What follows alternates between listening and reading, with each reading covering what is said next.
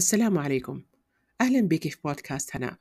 أنا هناء الحكيم وهذا الجزء الثاني من أزمة منتصف العمر وفيه أتكلم عن بعض الأمور اللي لو حاولت تطبيقها في حياتك حتحتفظي بالكثير من القوة والشباب إن شاء الله. حطي سماعاتك واسمعيني وانت بتحصلي خطوات أو انت بتكملي أشغالك ويلا بينا.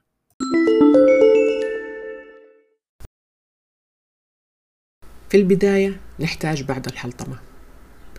إيه يا أختي وصلنا منتصف العمر. فاكرة لما كنا صغار؟ كأنه كان قريب.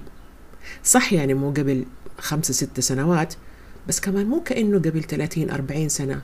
إحنا كنا صغار نسوي ضفاير نجري نروح كل تفكيرنا إيش ناكل إيش نلبس فين نروح مين حيجينا اليوم نبغى نروح سوق ما عندنا لبس. نجري ونتنطنط وننقز ما أدري عنك بس أنا عن نفسي كنت أحب أجري ونطنط كثير. كنت في فريق كرة الطائرة في مدرستي دار الحنان. هذا الكلام قبل 42 سنة. في الفسحة في الوقت اللي كانوا فيه صحباتي أو كثير من صحباتي يحبوا يجلسوا ياخذوا فطورهم ويقعدوا يتكلموا مع بعض. أنا كنت أحب مع فريق تاني من صحباتي. نلعب كورة نلعب طيري. نجري هنا تلاقينا هناك نجيب skate ونتزلج نجيب تنس ريشة ونلعب. أهم شيء ما نجلس. تمر الأيام نتزوج نخلف ننشغل في البيت ننشغل مع الأطفال ننسى النشاط ننسى المرح ننسى اللعب تمر الأيام أكثر وأكثر وفجأة نلاقي نفسنا في منتصف العمر نفكر نقول متى صرنا كده؟ متى طلع الشيب؟ متى طلعت التجاعيد؟ ما ما مدانا لسه ما أخذنا كفايتنا المفاجأة إنه إن شاء الله تقدري تحتفظي بالكثير من الشباب ومن العافية في منتصف العمر. لكن أول اعلمي أن التقدم في السن مع ما يصاحب التقدم في السن من ضعف تراها سنة كونية. يعني لا تزعلي مرة كثير إنك كبرتي إنك عجزتي بدأت التجاعيد تكبر إنه الشيب يكثر إنه حاسة بضعف في جسمك.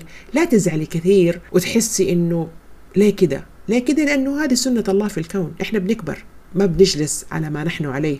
من صحة ومن و... من عمر ومن قوة. ما ما في خلاص كله كله بيتغير. فلما أنت تتقبلي فكرة إنك أنت بتكبري هذا بداية حل المشكلة أو هذا بداية التصالح مع السن. وكثير ما يكون التصالح مع المشكلة حل للمشكلة. يعني أحيانا إحنا نتنكد من مشاكلنا لأنه ما إحنا قادرين نحلها. في أشياء ما تنحل. في أشياء حلها إنك تتصالحي معاها. وإنك أنت تتعايشي معاها بسلام وبسعادة. فالتقدم في السن مع هذا الضعف هذه سنة كونية. إيش ممكن إحنا نسوي تجاهها؟ ما رح نقدر نصغر لكن نقدر نحتفظ بالكثير من قوانا ومن مظاهر العافية والصحة النفسية والجسدية والروحية بإذن الله تعالى. كيف ممكن نسوي هذا الشيء؟ عن طريق اختيار. اولا أسلوب الحياة الصحيح ثانيا طريقة التفكير. فاكرين البودكاست اللي فات إيش كذا؟ قلت لكم حياتك صنع أفكارك. عشان كده أنا حكرر كثير موضوع حياتك صنع أفكارك موضوع عقليتك ال mindset كيف طريقة تفكيرك كيف طريقة معالجتك لمشكلة معينة. لأنه طريقة التفكير من الأشياء اللي تميز الناس عن بعضها. يعني مثلا اثنين اترملوا أو اتطلقوا تلاقي واحدة حياتها مختلفة تماما عن الثانية. واحدة حاسة إنه صح أنا عديت بمصيبة لكن الحياة تمضي وححاول أدور على سعادة في مكان آخر. الثاني حتقول أنا عديت بمصيبة وماني قادر أخرج من هذه المصيبة. المصيبة محاوطتني من كل جهة. أنا بس بأفكر في المصيبة. أنا قاعدة أفكر أنا إيش فقدت؟ أنا إيش ضاع علي؟ أنا إيش راح مني؟ فكيف تتخيلي تكون حياة الأولى وحياة الثانية؟ مين حتكون أسعد؟ أكثر سعادة. الاثنين مرين بمصيبة ترى. لكن في وحدة حياتها أفضل من الثانية لأنه طريقة تفكيرها أفضل من الثانية. نفس الطريقة. اثنين مرضوا أولادهم مرض خطير أو اثنين ماتوا أولادهم. كيف حيكون تعامل كل وحدة؟ وحدة سلمت ورضيت وعلمت أن الله سبحانه وتعالى أعطاهم وديعة واستردها. نعم الأمر مرة محزن. نعم الأمر مرة مؤلم. ويحرق القلب وفي جمرة في القلب. لكن إنا لله وإنا إليه راجعون. اللهم أجرني في مصيبتي واخلف لي خيرا منها. والعوض عند الله سبحانه وتعالى. وبيت الحمد. و و و و أشياء كثير. وهذا الوقت سيمضي. الثانية ما استطاعت أن تخرج من مصيبة لأنها ما استعانت بالله وما أعطت نفسها فرصة تفكر في شيء ثاني تفكر في حكمة الله سبحانه وتعالى. تفكيرها محدود بالمصيبة اللي وقعت بيها واللي هي محاوطتها وما هي قادرة أو ما تبغى تطلع منها. فإذا أسلوب الحياة الصحيح زائد طريقة تفكيرك بإذن الله تعالى حيساعدوا في التخفيف من وطأة التقدم في العمر أو المشاكل اللي تيجي في منتصف العمر سواء كانت مشاكل صحية أو مشاكل نفسية. لذلك أنا اليوم مهمتي في هذا البودكاست إني أساعدك إن شاء الله ببعض التلميحات اللي ممكن تغير في حياتك الكثير وتحفظ لك الكثير من القوة البدنية والنفسية. ما أدري يمكن تكوني أشطر مني تتفوق علي. مرة كويس. أهم شيء أهم شيء اتركي عقلية ما أقدر عجزنا ما يمديني ما حب. لا لا لا الله يخليكي. هذه الكلمات حتمنعك من إنك تسوي أي تقدم وأي تطور في وضعك الحالي. اتركيها واسمعي كلامي واستعيني بالله ويلا بينا. النقطة الأولى اهتمي بسلامة جسدك.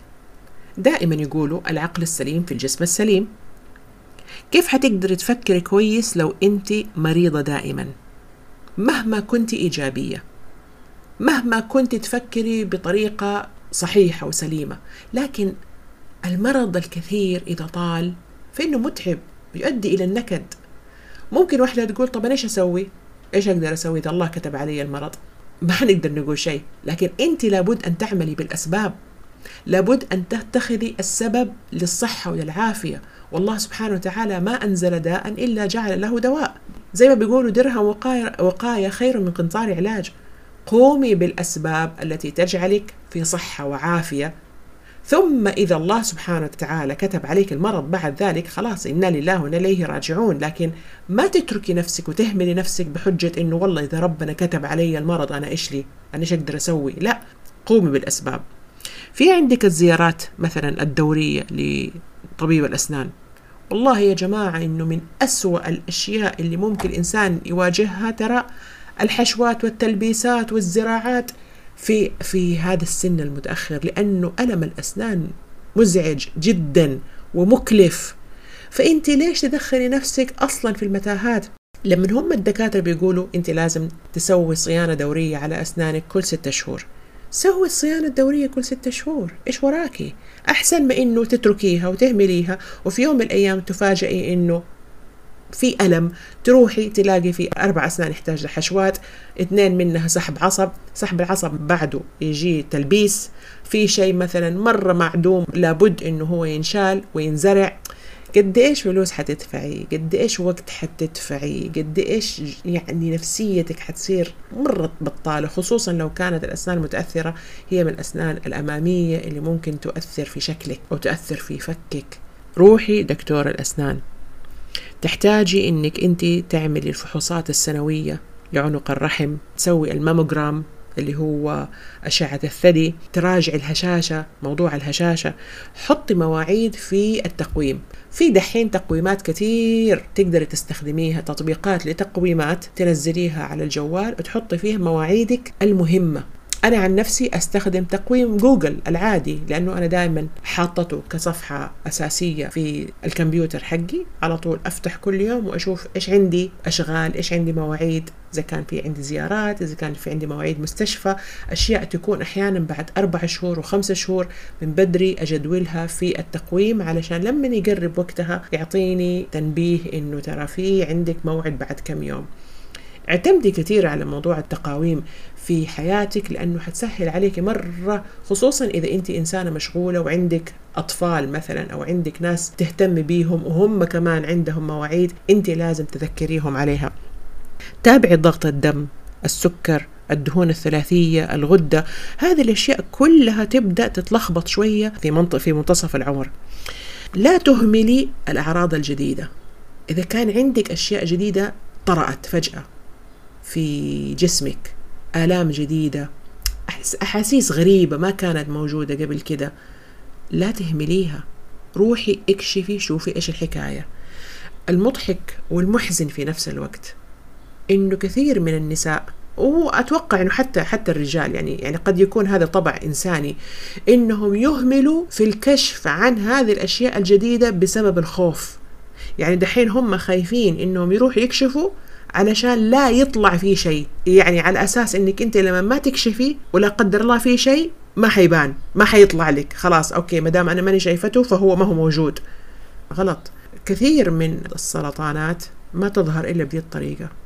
المرأة اولا تهمل في موضوع الفحص الدوري أو الفحص الشهري للثدي ولو سوت أو اكتشفت بطريق الصدفة إنه في ورم ما في تك في كتلة غريبة فهي على طول تتجاهلها.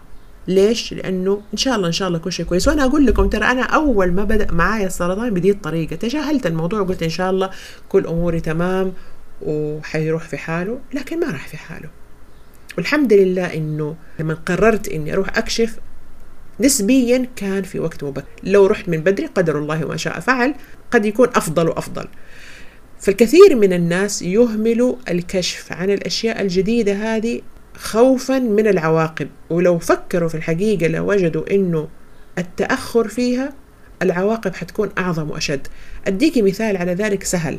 تخيل أنت في يوم من الأيام حسيتي كده بألم في, في واحد من أسنانك لكن طنشتيه وصرت تغسليه أكثر وكده بس بس ما هو موجود ترى لا زال موجود وكل ماله يزيد. طيب ليه ما تروحي الدكتور؟ أول شيء أنا أخاف من الإبر إبرة الأسنان مرة مزعجة مرة مؤلمة. وبعدين أخاف إنه يدخلني في متاهة. وحاليا مثلا ما عندي فلوس أو اللي هو. أيا كان سبب تأخرك عن الروحة. اللي حيصير؟ إنه لو أخرتي أكثر وأكثر ممكن هذا الألم ينقلب يكون خراج. ممكن يصير في تسوس جامد يصل إلى العصب. وبعده يسحب العصب. علاج العصب هذا يحتاج له جلستين ثلاثة جلسات. كل جلسة فيها إبر تخدير اللي أنت كنت هاربة منها. وبعد ذلك بعد ما ينسحب العصب لابد من تلبيس هذا السن. التلبيس أقل شيء ياخذ 2000 ريال للسن الواحد.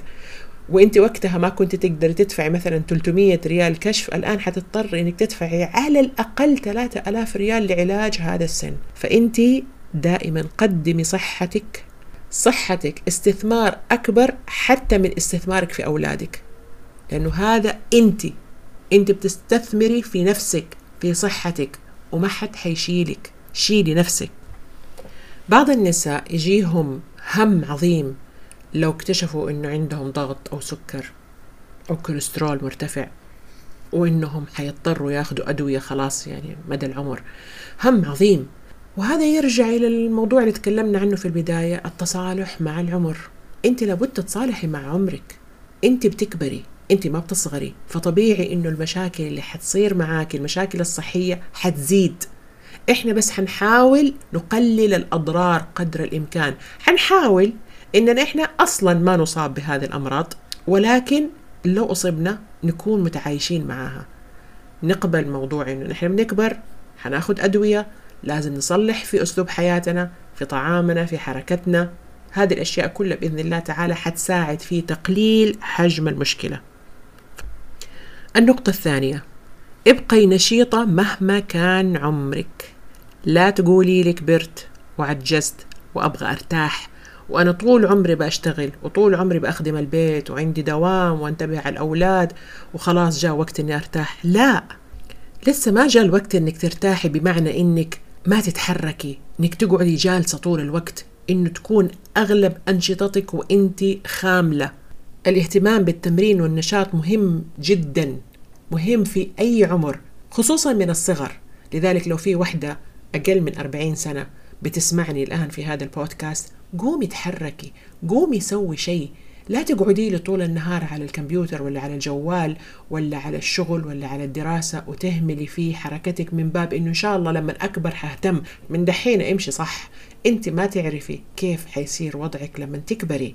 هل حتكوني بصحة جيدة تمكنك إنك أنت تتحركي كثير؟ ما تعتقدي إنه حياة الخمول اللي أنت فيها الآن في صغرك حتستمر معاكي لأنه لأنه هو في النهاية سلوك. وطبع أكثر من إنه شيء يتعلق بالصحة. يعني اللي يخليكي ما تقومي تتحركي مو إنه صحتك ضعيفة. لا اللي يخليكي ما تقومي تتحركي إنك أنت كسلانة إنك بليدة. قاعدة لي على الكمبيوتر على الجوال على الدراسة على الدوام على الوظيفة على التلفزيون على ما أدري إيش. ما تبغي تتحركي. وقاعدة تقولي أنا لما أكبر إن شاء الله حتحرك. حبيبتي أنت ما تحركتي وأنت عمرك 30 و20 حتتحركي وأنت عمرك 50 و60 يعني يبغالك قنبلة نووية عشان عشان تحركك في ذلك العمر. اللي أنا بقوله انتهزي فرصة شبابك انتهزي فرصة صحتك وكوني عادات جيدة تستمر معاكي لما تتقدمي في السن. كلنا كنا في يوم من الأيام شباب كلنا كنا في يوم من الأيام صغار زيك ونتنطنط ونجري وبعدين أخذتنا ظروف الحياة واضطرينا نجلس. أوكي يمكن ما اضطرينا يمكن إحنا ما صدقنا إننا إحنا نخلد إلى الكسل والدعة وجلسنا وعجبتنا الحال وكملنا. وبعدين فجأة صحينا وقطار العمر يمضي واكتشفنا إن صرنا في الخمسين وفي الستين ومن كل ما نضعف وإن لازم علشان نرجع نقوى إن نحن نتحرك. صعب صعب علينا لكن لازم نسويه. فأنت يا صغيرة السن الآن قومي وابني عادات صحية من دحين تستمر معاكي حتى الكبر. أما أنت يا ذهبية السن اللي في منتصف العمر إذا أنت ما بدأتي من الصغر أن تصلي متأخرة خير من أن لا تصلي أصلا. فإذا أنت ما بدأتي من الصغر لا تجي تقولي والله أنا ما يمديني عشان أنا ماني متعودة. اتعودي عادي. من دحين نقدر ترى البني آدم الله سبحانه وتعالى خلقه يعني كائن ذكي جدا وكائن مرن يستطيع أنه هو يغير في نفسه حسب الظروف اللي يعدي فيها. النشاط الحركي يخفف من ارتفاع الضغط اللي انت خايفة انك تصابي فيه أو اللي انت اوريدي اصبتي فيه. يعزز من خسارة الدهون. لو انت تبغي تخسر دهون أو ما تبغي يزيد وزنك. يقي من الكثير من الامراض المرتبطة بالسمنة مثل السكري وامراض القلب.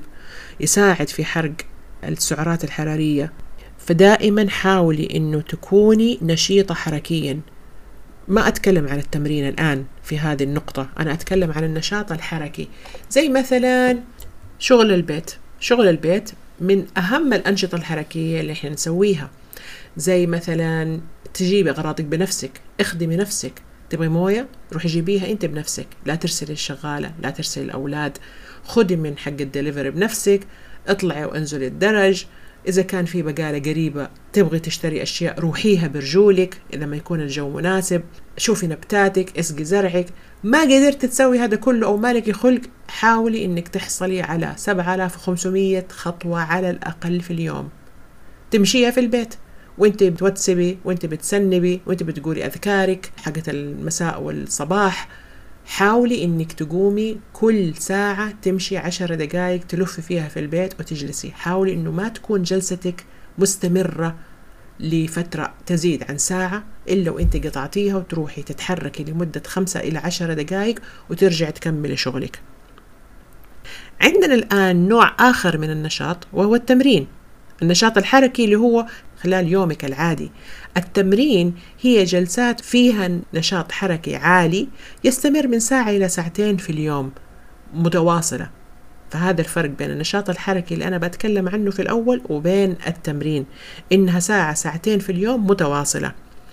والتمرين اللي أنا أتكلم عنه دحين نوعين إما أن يكون تمارين كارديو أو تمارين مقاومة. تمارين ال cardio هي تمارين اللي ترفع نبضات القلب زي مثلا المشي المشي السريع ال elliptical الدراجة الحبل الرقص السباحة هذه كلها cardio كلها ترفع نبضات القلب.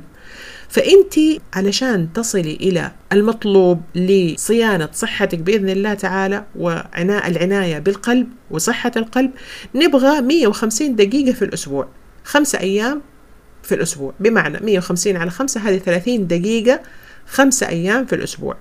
ابدأي بتدرج. مثلا إذا أنت مرة ما تتحركي فابدأي بخمسة دقائق أو عشر دقائق. مشي متواصل.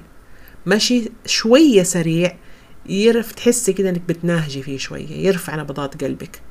خلصتي الخمس العشر دقائق وقفي. بكرة ارجعي. وهكذا لمدة أسبوع. حافظي على العشر دقائق هذه يوميا لمدة أسبوع. خلاص صارت تقريبا بداية عادة نرفعها إلى 15 دقيقة لمدة أسبوع أسبوعين يوميا. خلاص صارت عندك هذه العادة ارفعيها إلى 20 ممكن ترفعي شدة المشي لأنه الإنسان لما يبدأ يتعود على التمارين على الحركة مع الاستمرار الجسم يتكيف معاها وتصير سهلة. فخلاص ما يصير في هذا التحدي. فبالتالي اللي انت كنت أول لما تمشي تناهجي صرتي تمشي عادي. تقدري حتى كمان مثلا تسمع لنفسك قرآن تقدري تتكلمي لجمل طويلة كده ورا بعض بدون ما تحتاج إنك توقفي كل شوية تاخدي نفسين ثلاثة أنفاس. هذا دليل على تحسن لياقتك. المهم أن تصلي في نهاية المطاف إلى 30 دقيقة خمسة أيام في الأسبوع بتمرين يرفع نبضات القلب. هذا بالنسبة لتمارين الكارديو. وكذلك تحتاجي من جلستين إلى أربع جلسات تمارين مقاومة في الأسبوع. مو شرط تروحي في نادي. في كثير من الناس لما أتكلم عن البوستات حقتي كانوا يقولوا والله نفسنا بس ما نقدر نروح نادي. ما هو لازم تروحي نادي. في فترة من الفترات كان كل مشتركاتي يتمرنوا من البيت. كلهم كانت واحدة بس تتمرن في النادي. صح إنه مع تقدم الأيام صاروا دحين الأغلب اللي بيشتركوا معايا بيشتركوا من من النادي لكن لا زال عندي مشتركات في البيت. وتمرينهم ما شاء الله لا قوة إلا بالله صاروخي. وللمعلومية فوق خمسين سنة. شارفوا على الستين يعني قريب من عمري. وما شاء الله لا قوة إلا بالله على أجسامهم. وعلى قوتهم. ما أقول أجسامهم يعني أنهم نحاف مثلا. لا لا لا. على قوتهم الظاهرة في جسمهم ما شاء الله لا قوة إلا بالله. الله يبارك لهم. فهو ما هو شرط أنك أنت تتمرني في نادي علشان تتمرني. ممكن تتمرني في البيت بس إنك أنت تحتاجي مثلا إنه يكون عندك آه شنطة أثقال. حكاية آه كيلوين وكيلو نص. انسى الموضوع تماما. يا أختي شنطة أولادك اللي أو أحفادك اللي يروحوا فيها المدرسة أربعة كيلو. تبغى تشيلي لي أنت واحد كيلو ونص كيف؟ أنت بتشيلي أحيانا حفيدك وبد... ولا ولدك الصغير وبتدوري فيه بتشيليه مثلا نص ساعة ربع ساعة بإيدي. واحدة ما شاء الله لا قوة إلا بالله. تيجي تتشطري لي على الأوزان وتشيلي لي كيلو ونص ولا كيلوين؟ لا طبعا. فأنت لابد إنك أنت تحط في بالك نرجع تاني مرة شيلي من بالك موضوع إنه ما أقدر وصعب وتقيل. لا ما هو تقيل. انت بتشيلي وانت ما انت منتبهه في بيتك أشياء أثقل من ذلك. بس انت ما انت ما انت مركزة في الموضوع. انت مركزة إنه لا لا ما حقدر أشيل أوزان حديد ثقيل عشان اسمه حديد بس. لكن ما شاء الله تشيلي كنبة. أشوفك تحرك الكنبة تحرك السرير تدفي جوالين الموية. كيف؟ ما شاء الله. نفس الشخص أنت. فضروري جدا أنك أنت تهتمي بموضوع تمرين. ليش إحنا نتمرن مقاومة؟ ليش أنا أتكلم دائما عن عن التمارين المقاومه لأنه تمارين المقاومه تبني العضل. إذا كانت بالشدة المناسبة تبني العضل. هذا العضل اللي إحنا بنفقده بعد سن الثلاثين بنفقد بين نص إلى واحد في المية من عضلنا كل سنة. بمعنى أنه على سن سبعين ممكن نكون فقدنا 30 إلى 40 في المية من العضل. أي 30 إلى 40 في المية من القوة. إحنا نقدر بتمارين المقاومة بإذن الله تعالى لو كانت بالشدة المناسبة مع الغذاء الصحيح نرجع نبني العضل هذا. حتى لو كان عمرك 60 سنة تقدري ترجعي تبني عضل ولا تسمعي للي يقول لك ما تقدري ترجعي تبني عضل. تقدري وبنشوف آه اللي بدأوا في سن متأخرة ونساء كثير الأجانب اللي بدأوا في سن متأخرة في سن في, في سن خمسين وفي سن ستين بيشيلوا أوزان هائلة يا جماعة إحنا ما بنقدر نشيلها بتشيل عمرها سبعين سنة وبتشيل مية وعشرة كيلو. فلا تقدري تبني عضل. فتمرين المقاومة يساعدك على بناء العضل وبالتالي على زيادة القوة على قوة مفاصلك على قوة عظامك على حفظ توازنك. بإذن الله تعالى فما تتعرضي للسقوط إن شاء الله. لا تكتفي بس بال cardio والمقاومة حاولي تعملي أنشطة ممتعة. جربي ال hiking مثلا. أنا سبحان الله كنت بفكر أسوي hiking لكن ما قررت إلا لما نخلص الشتاء لأنه لا يمكن طبعا نطلع hiking في ذا الجو. فكنت بفكر إنه في مجموعات hiking كثير تطلع يعني قريب من جدة أقل من مسافة سفر. فيمديني إني أنا أروح فيها وأمشي. ممكن تجربي رياضة جديدة البادل مثلا بادل اللي هو زي التنس. وفي كثير ملاعب نسائية مغطية تقدر تجربيها. مو شرط إنك تكوني تتقنيها لكن جربي جربي شيء حركي جسمك. أحيانا تحسبي إنه لا لا ما حيعجبني وما حيمديني وما حنبسط لكن لو جربتي حتحسي إنه أوب والله حلو. ليه؟ لأنك أنت بتسترجعي جزء من طفولتك جزء من مرح الطفولة اللي إحنا فقدناه لما صرنا حريم. عندك حوش أو سطوح اطلعي العبي كورة مع أولادك. العبي بالهيلا هوب. نطي حبل إذا ما كان وزنك مرة ثقيل. اركبي دراجة أولادك في الحوش أو في السطوح. سوي حاجة. لا تقعدي بس تندبي حظك وتشعري بآلام عضلاتك بآلام عظامك وتقولي إيش أسوي. قومي تحركي كثير من آلام العضلات يكون سببها ضعف العضلة. يعني ما يكون سببها إنه في عندك مشكلة في المفاصل أو في الأربطة. لا لا لا. المشكلة الوحيدة هي إنه العضلة ضعيفة. العضلة تحتاج تتقوى فقط. وكثير من المشتركات يجوني وعندهم ضعف في العضلات وعندهم آلام في الأكتاف في الظهر في الرقبة. سبحان الله لما يتمرنوا ويلتزموا بالتمرين شهرين ثلاثة شهور تختفي هذه الآلام كلها. ولو وقفوا تمرين لأسباب معينة ترجع لهم الآلام. فهذا دليل على أنه المشكلة الآن ما هي مشكلة عضوية بمعنى أنه في مشكلة في المفاصل. لا المشكلة هي بس في ضعف العضلات. العضلات بتقول لك حركيني ربنا خلقنا كائنات متحركة. فلذلك طول الجلوس وطول الخمول يؤلم هذا الجسم. النقطة الثالثة تناولي غذاء متوازن. مرة الكلام سهل في الموضوع ده بس التطبيق فيه شوية صعوبة لأنه إحنا مع المجتمع اللي حوالينا مع إغراءات المطاعم مع تطبيقات التوصيل مع الضغوط اللي بتيجي للواحد بحيث أنه في النهاية يقلب ياكل أكل عاطفي. أحيانا يكون الموضوع ده صعب. لكن نستعين بالله ونحاول نغير شوية شوية. يعني ما هو لازم لما يكون مثلا أنت نظامك مضروب تماما لا تجي تغيري تمسكي عشرين نقطة تبغى تغيريها. امسكي نقطة أو نقطتين وغيريها. مثلا حاولي إنك تاكلي سلطة كل يوم. كل يوم. ما هو ب يعني نسيبها كده بالتساهيل. لا لا ما في بالتساهيل.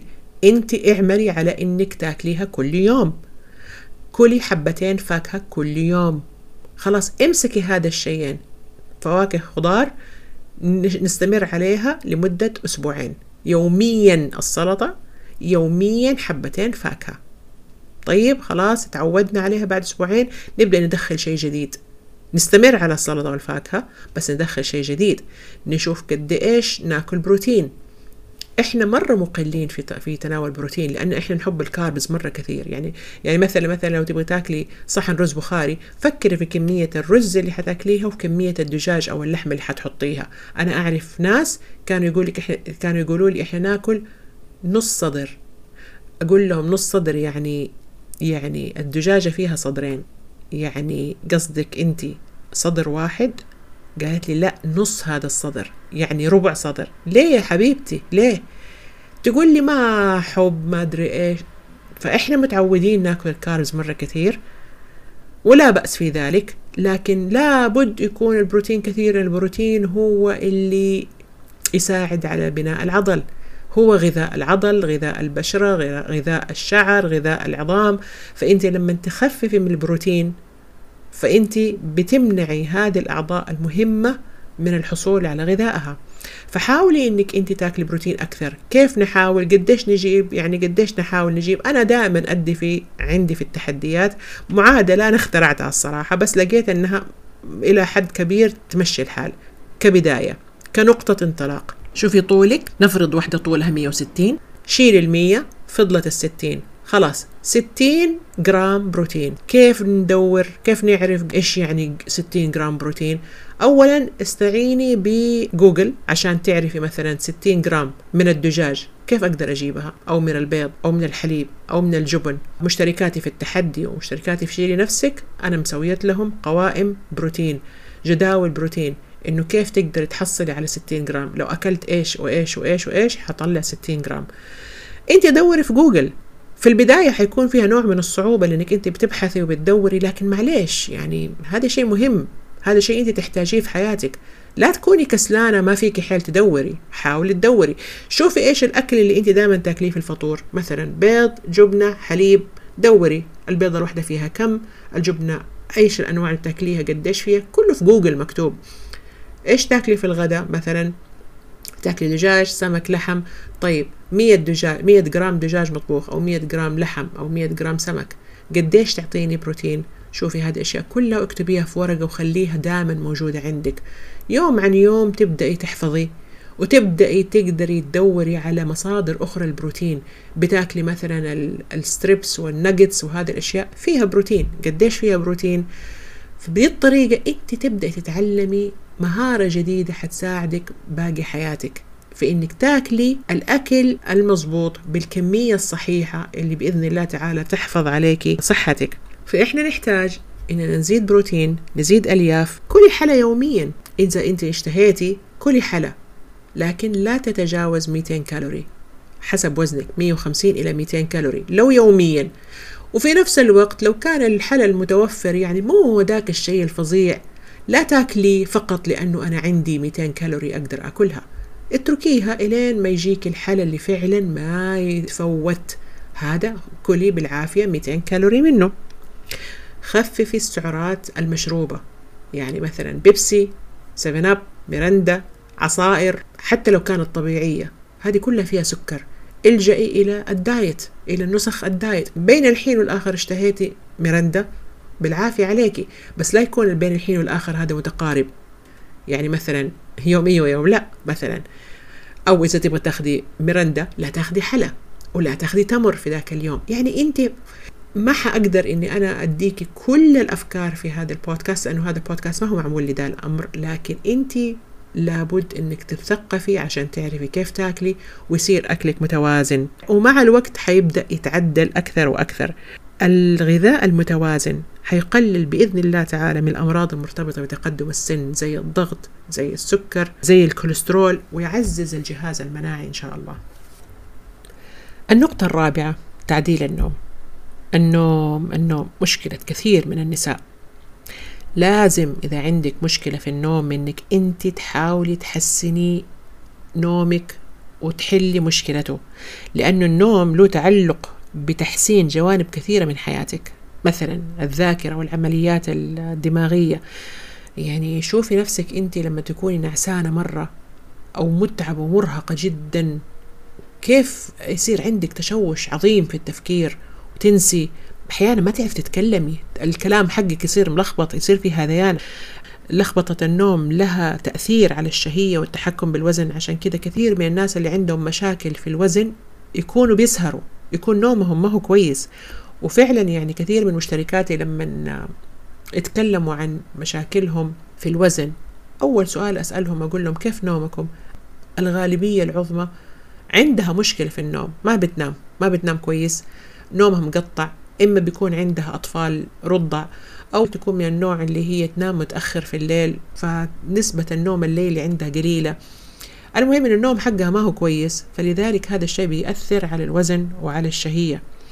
النوم له علاقة بالتوتر والقلق. كل ما كان النوم ملخبط كل ما التوتر والقلق بيزيد. حتى إنه الواحد لما ما هو يكون نايم كويس بتشوفي كيف إن ما ما قادره تكملي اعمال أعمال يومك خلاص حاسة نفسك خملانة. حتى لو ما نمتي تظلي قاعدة على الكنبة كده متنحة ما فيك حيل تسوي ولا شيء. بسبب قلة النوم. فإحنا إيش ممكن نسوي؟ مثلا نقدر نحاول نشوف الأشياء اللي دائما يقولوا عنها في لتحسين النوم. حاولي إنك أنت مثلا تكوني في أثناء يومك عندك نشاط حركي زايد شوية بحيث إنه أنت ما تروحي السرير اللي أنت قيدك تعبانة ومستعدة إنك تنامي. فمثلا إذا كان قدرت إنك تدخلي رياضة ما كثير من الناس اللي يسووا رياضة يناموا في ذاك اليوم نوم أفضل. آه برد الغرفة.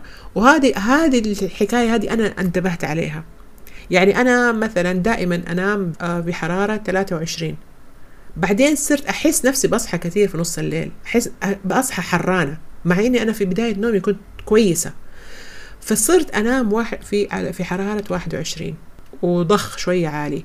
في البداية أنت تبردي. لكن علشان الإنسان يستغرق في النوم لابد أنه تنزل درجة حرارة جسمه عشان يقدر ينام نوم مرتاح.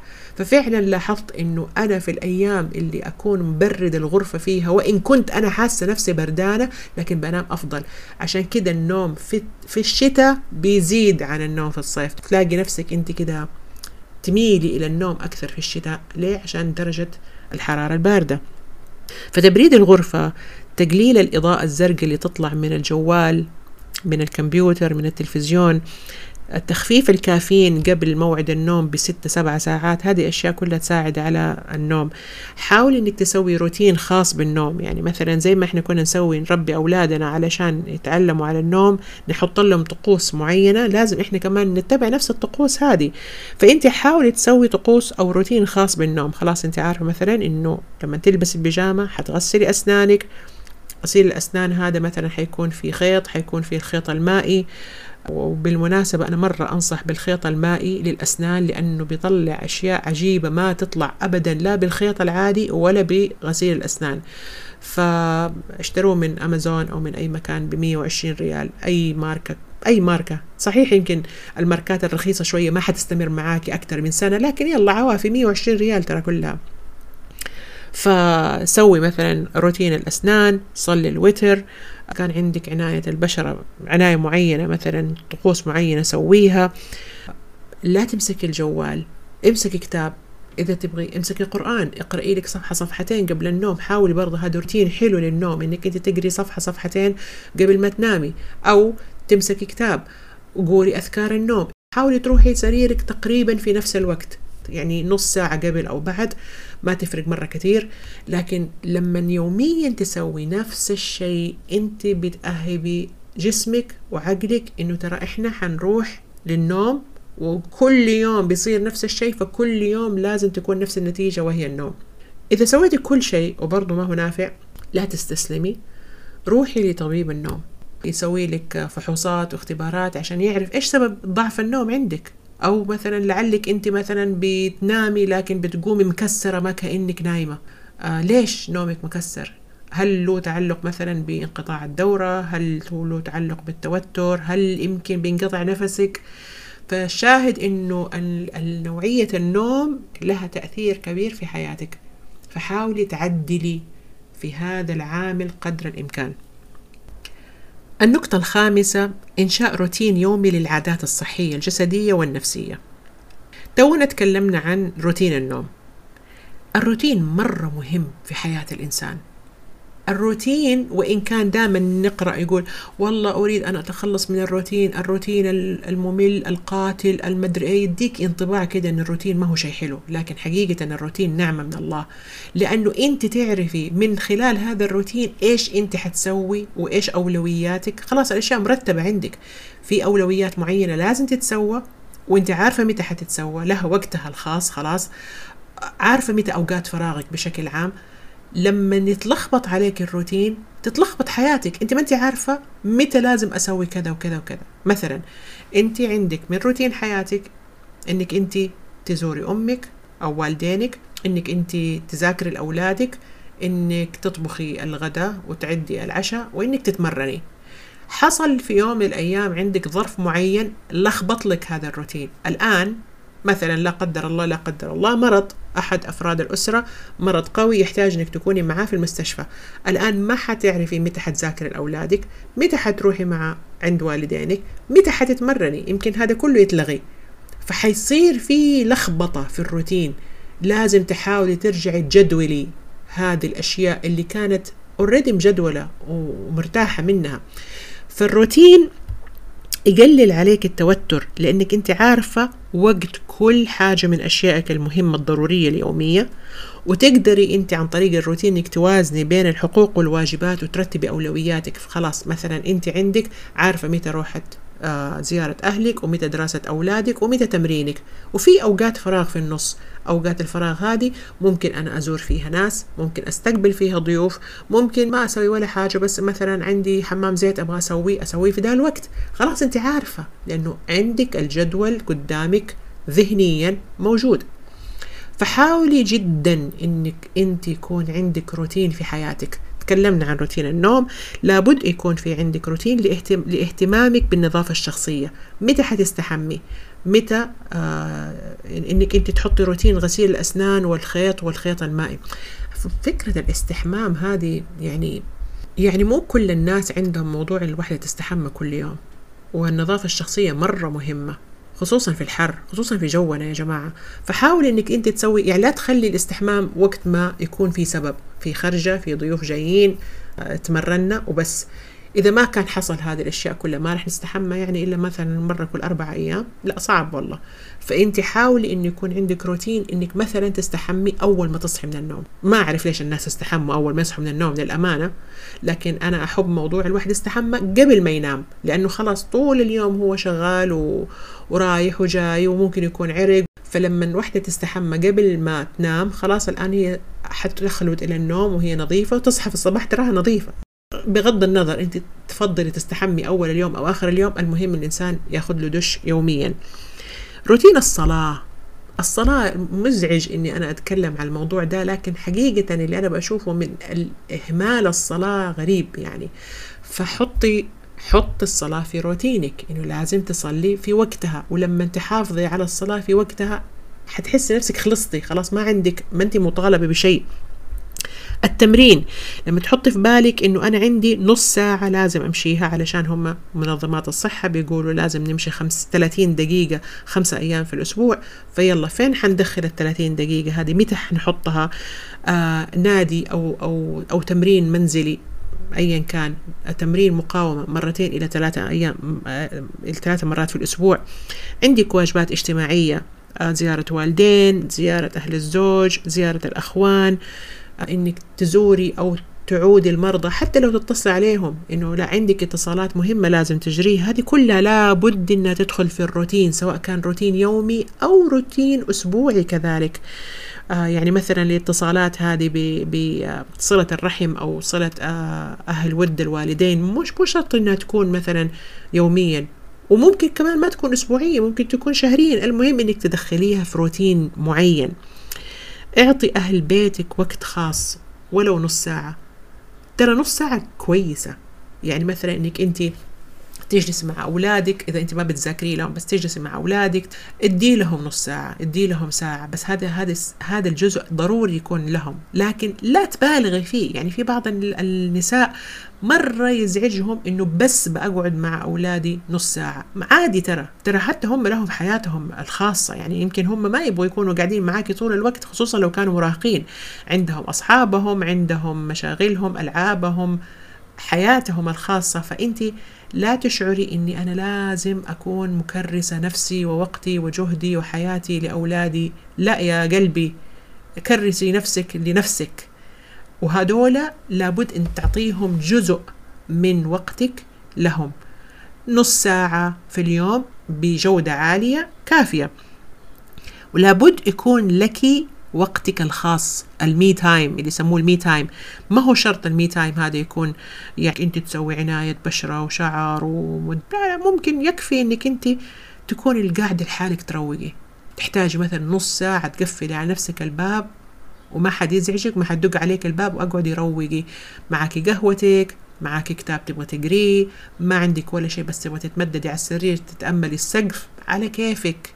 أهم شيء إنه عندك وقت خاص فيكي ولا تسمحي لأحد من الأطفال إنه يجي يلغي عليك ده الوقت ويقول لك أجلسي معانا ما بتقعدي معانا. لا زي ما هم محتاجين وقتك أنت تحتاجي وقتك. النقطة السادسة نرجع تاني مرة نعيد في موضوع الاهتمام بالقلب والروح. اهتمي أكثر بطاعاتك وأحسني الظن بالله سبحانه وتعالى. مع التقدم في العمر تبدأ تزيد الإصابات والأمراض يبدأ شوية يدخل نوع من الاكتئاب مع تغيير الهرمونات مع طريقة التفكير أحيانا. اللي تخلي الإنسان بس يقعد يقارن كيف كان وكيف صار. كيف كنا في إحنا شباب كيف صرنا دحين. كيف أنا كنت حلوة وأنا صغيرة دحين كبرت وحشت. كيف كان شعري كيف تقيل وكثيف دحين صايرة صلعة تبان منه. كيف أنا كنت نحيفة ورشيقة شوفي كيف أنا دحين عندي كرش. هذه أشياء كلها تسبب نوع من التوتر نوع من النكد نوع من الاكتئاب. إضافة إلى حدوث بعض المصائب في هذه المرحلة. قد يكون موت أحد من المقربين قد يكون طلاق قد يكون خروج الأولاد قد يكون مرضك مثلا لا قدر الله.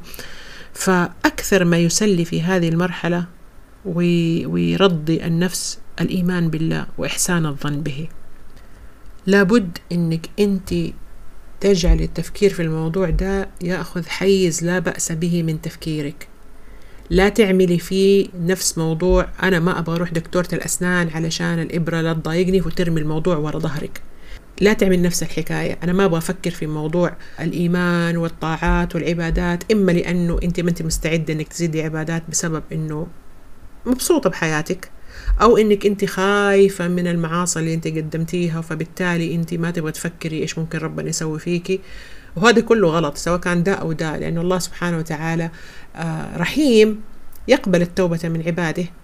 والله سبحانه وتعالى يعني شديد العقاب فإحنا لازم نسوي موازنة بين الاثنين. فالإيمان يزيد بالطاعة وينقص بالمعصية. وإحنا في هذه المرحلة من الضعف ومن الضعف الجسدي والضعف النفسي عما كنا عليه في أيام الثلاثين وأيام العشرين وحتى أيام الأربعين إحنا نحتاج الكثير من القوة النفسية اللي إحنا نحصلها عن طريق الإيمان بالله سبحانه وتعالى. فهذا الشيء ما حيصير إلا إذا إحنا زودنا طاعات. يعني ما ما حيصير إيماننا زايد إذا إحنا ما زودنا طاعات لأنه الإيمان يزيد بالطاعة. إذا إحنا ما زودنا طاعات ما حيزيد إيماننا. وإذا أصرينا على المعصية راح ينقص الإيمان. فحاول إنك تزيد طاعتك بالتدريج. ولا تنسي إنه أعمارنا تقدمنا في الأعمار إحنا بنتقدم في الإقبال على الله سبحانه وتعالى بنقرب للرجوع إلى الله سبحانه وتعالى للرجوع يعني للموت بالعربي.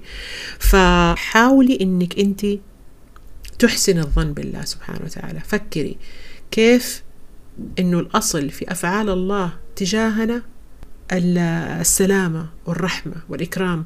فكري في كل عطاء الله لك. كيف الله سبحانه وتعالى أعطاك وهبك ورزقك وانه الله بيلطف بيك دائما وإن الله يكرمك دائما وتدعيه ويعطيك دائما ويستجيب لك دائما. فالأصل في أفعال الله للإنسان إنها الإحسان والرحمة والإكرام. واحيانا الله سبحانه وتعالى يبتلي الإنسان ببعض المصائب لأنه الدنيا دار بلاء. الراحة في الجنة ما هو هنا بالتأكيد. فلا بد أن يكون في بلاء يختبر الله سبحانه وتعالى به صبر الإنسان و... ويختبر كيف إيش إيش حيسوي. فأنت أحسن الظن بالله دائما خصوصا لو أنت أصبتي بمرض أو أصبتي بمصيبة. وحاولي تكثر عبادات لأنه هذا الشيء هو اللي حيزيد إيمانك ويزيد إحسان ظنك بالله سبحانه وتعالى. لما تشوفي نعمه العظيمة اللي أحاطك فيها بالرغم من وجود هذا البلاء. سبحان الله أنا لما أصبت بالسرطان فجأة كأني أول مرة أنتبه لنعم الله سبحانه وتعالى. ما زاد شيء ترى ما زاد شيء. النعم هي هي لكن وعي بوجودها هو اللي هو اللي جد.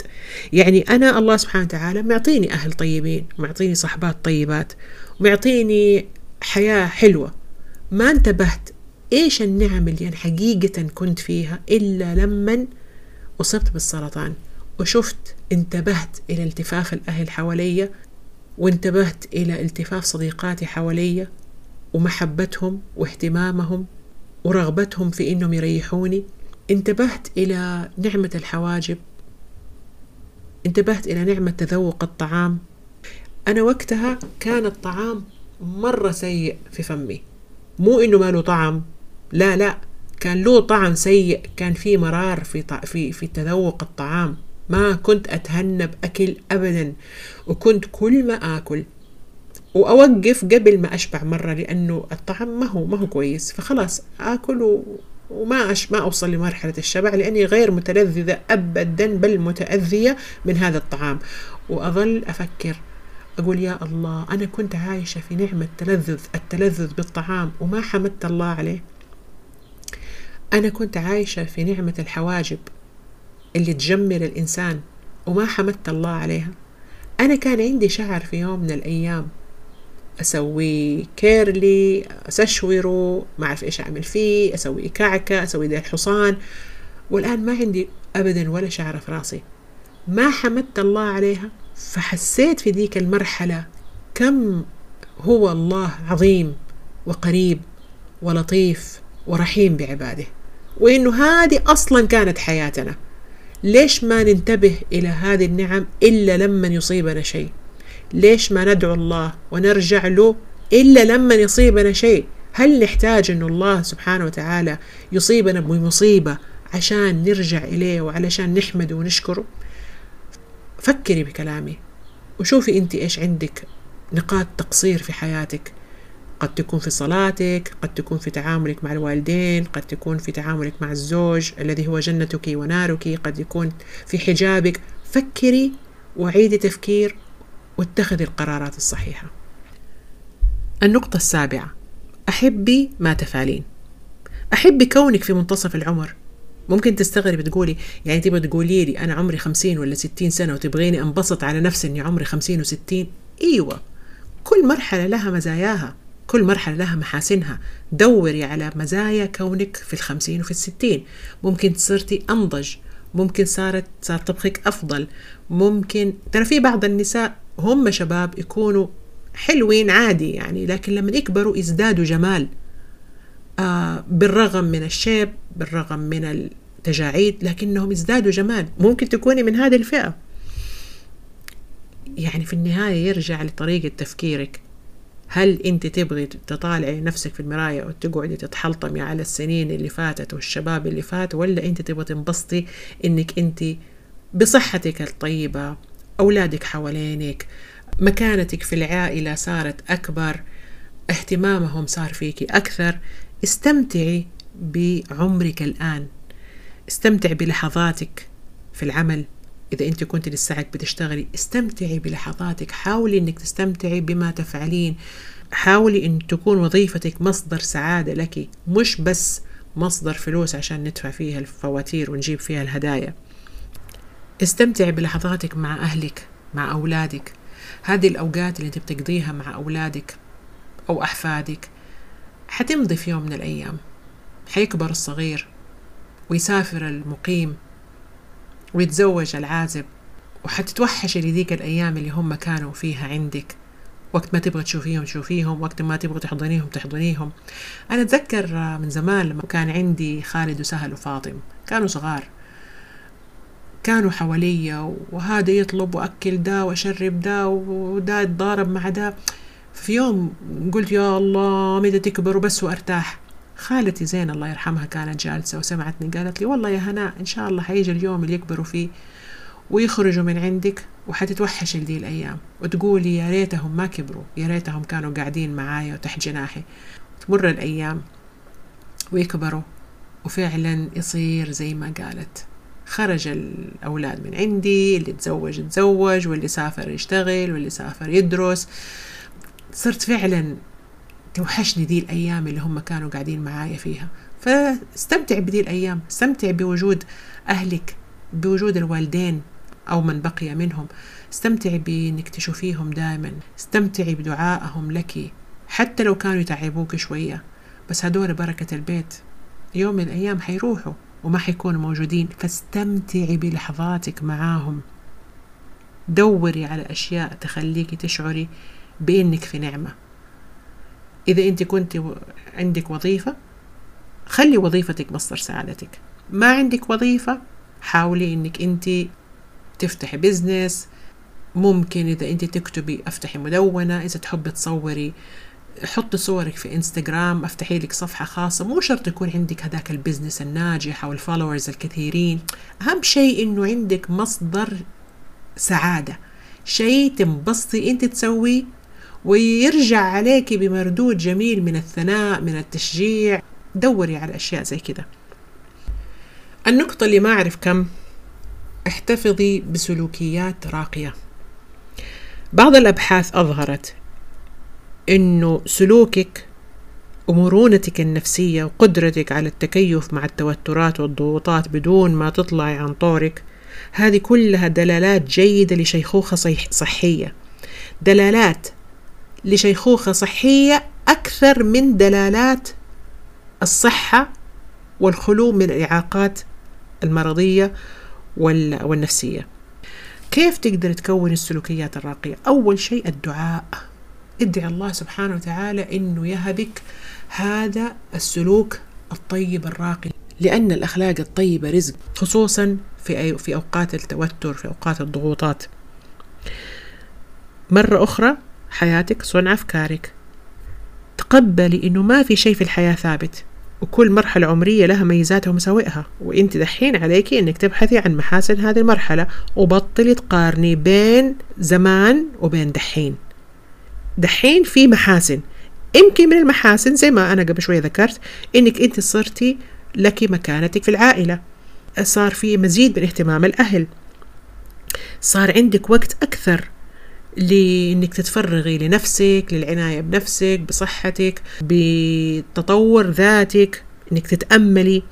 صار عندك قدرة أكبر على ملاحظة النعم لأنه الإنسان لما يكبر يبدأ ينضج يبدأ تفكيره يتحسن تبدأ ملاحظته تقوى. انتبهي إنه الغضب والطرطعه ما تخدمك ابدا. يعني بعض الأمهات يستغلوا فكر فكرة إنهم هم كبار إنه ما حد يقدر يرد عليهم لأنهم هم الأمهات أو الجدات أو لأنهم هم كبار في السن. ويصير عندهم نوع الطغيان هذا إنهم هم يتحكموا ويزعقوا ويطرطعوا. ممكن يستخدموا ألفاظ بذيئة من باب إنه أنا الأم أنت لازم تسمع كلامي أنت لازم تحترمني. ترى مرة شكلك ما هو حلو إذا أنت من ذا النوع. ما أجمل أن تكون المرأة حتى الرجل يعني أن يكون الإنسان كبير ووقور. هذه الطرطعة والزعل والعصبية ما تخدم الوقار أبدا ينافي الوقار تماما. سبحان الله ماما لما الله يرحمها مرضت ماما أصلا هي يعني سمحة وهينة ولينة. لما مرضت ازدادت ليونة وسماحة. حتى إنه الدكاترة لما كانوا يسالون عنها أحيانا يبغوا يشوفوا تأثير الأدوية وكذا كانوا يقولوا لاحظتوا عليها ان مثلا صارت تعصب أكثر اخلاقها تغيرت. كنا نقول لهم لا بالعكس ما شاء الله لا قوة إلا بالله إلا إنها تزداد سماحة ورقة. كانت في الأخير يعني في السنة الأخيرة تكثر من قول أحبك. لنا لبنات أخ... لحفيداتها لبنات أخوانها للدادات للممرضات. أي إنسان من اللي اللي يتعامل معاها ويقدم لها خدمة كانت تقول لها أحبك. يعني كأنها كانت تحمل في داخلها الله يرحمها كمية هائلة من المحبة ومن السلام تبغى بس توزعها على الناس. أنت حاولي تكوني زي كده. لا تكوني الشخصية العصبية الطاغية اللي تطرطع اللي الناس يهابوها اللي يخافوا منها ويقيموا لها ألف وزن وألف حساب. لا تكوني كده. لا تكوني كده لأنها غالبا هذه الشخصية ما هي محبوبة وإنما يتجنبها الناس مخافة لسانها. وهذا من شرار الناس. إنه الناس يتجنبوك عشان لا تيجي تطرطعي عليهم أو تلسني عليهم والله إنهم من شرار الناس. لكن الناس يحترموك لأنهم يحبوك لأنهم يبغوا يسعدوك عشان أنت تفيضي عليهم بالحب وبالسلوكيات الراقية. حاولي إنك أنت تكوني زي كده. في نهاية هذا البودكاست. أنا أبغى أقرأ لكم دحين بعض نصائح المتابعات. لما أنا كنت بأعد لهذا البودكاست اللي ما كان راضي يطلع أصلا للوجود لولا فضل الله سبحانه وتعالى كنت أسأل المتابعات في إنستغرام وفي سناب شات كنت أقول لهم إيش عندكم نصايح للنساء في منتصف العمر؟ واخترت هذه النصائح التالية اللي حسيت إنها فعلا جميلة. النصيحة الأولى حبي حالك حبي نفسك. ممكن ناس يفكروا إنه طيب إحنا بنحب نفسنا. لكن التصرفات اللي بنشوفها لا تنبي عن ذلك. النصيحة الثانية اكسر الدائرة وتوقفي عن إعادة خلق التجارب السيئة للأجيال الجديدة. بمعنى الشيء اللي صار معاكي كانت نتائجه سيئة لا ترجعي تعيدي تاني مرة مع الأجيال الجديدة بحجة إنه إحنا كده تربينا. مو كل شيء تربينا عليه كان صح. والظروف والمجتمع والبيئة والزمن مختلف تماما عن الأزمان هذه. النصيحة الثالثة لا تزعلي على أي شيء فات وتندمي عليه لأنه في ذلك الوقت يمكن كان هو التصرف الصح اللي أنت كنت تعرفيه. طوري نفسك طول ما أنت عايشة إن الحسنات يذهبن السيئات. هذا للأمهات اللي يجلدوا نفسهم كثير بسبب اعتقادهم إنهم ربوا أولادهم غلط إنهم كانوا يضربوهم إنهم كانوا يسووا كذا. إحنا شدينا عليهم. يا أختي هذا هذا غاية جهدك. هذا هذا اللي أنت تعرفي تسويه. هذا أنت كنت بتسويه بنية طيبة إنه إنك أنت بتربيهم عشان يطلعوا لبنات صالحة في المجتمع. هذا غاية علمك. فلا تلومي نفسك على شيء قيد راح وانقضى ونيتك فيه سليمة. هو واهم شيء انه هو راح وانقضى يعني أنت لما تلومي ما راح ترجع الأزمنة من جديد وتقدر تغيري اللي راح عفى الله عما سلف استغفر الله وتوبي إليه من من الخطأ إذا كنت تحسي إنك أنت سويتي شيء غلط وخلاص. لا تقعدي كل شوية تلومي نفسك. طوري نفسك طول ما أنت عايشة والحسنات يذهبن السيئات. أولادك اللي أنت عاملتيهم معاملة سيئة الآن أحسني معاملتهم. ممكن تستسمحي منهم مرة أو مرتين. لكن كوني متوازنة. النصيحة اللي بعدها لا تدعي من حولك محور اهتمامك. اجعلي نفسك الأولوية. قدمي لها ما ينفعها جسديا وروحيا ونفسيا ثم اهتمي بعد ذلك بالآخرين. يعني هي في بداية النصيحة كده تحسي إن هي تد يعني تدعوك للأنانية. لا تجعلي من حولك محور اهتمامك. اجعلي نفسك الأولوية. وهذا كلام صحيح. لكن المبالغة فيه لأ.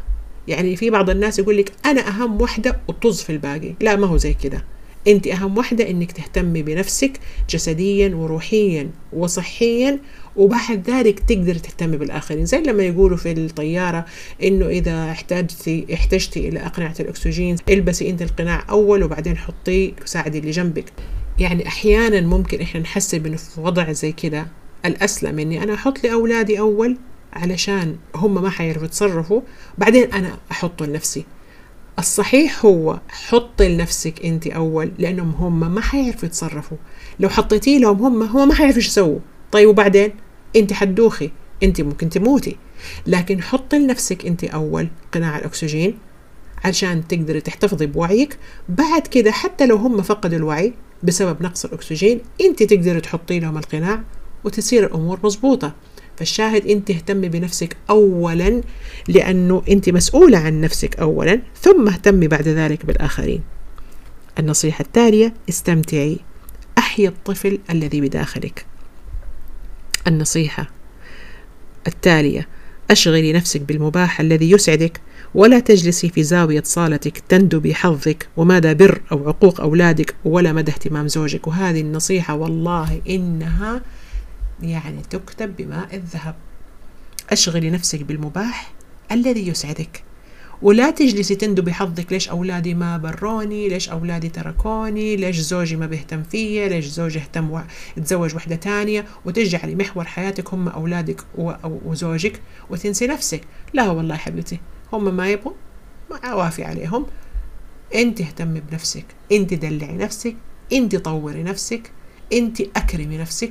ولما تكرمي نفسك وتجعلي لها مكانة وقدر الباقيين حيكرموها ويرفعوها ويعاملوها بالشكل الذي تستحقه.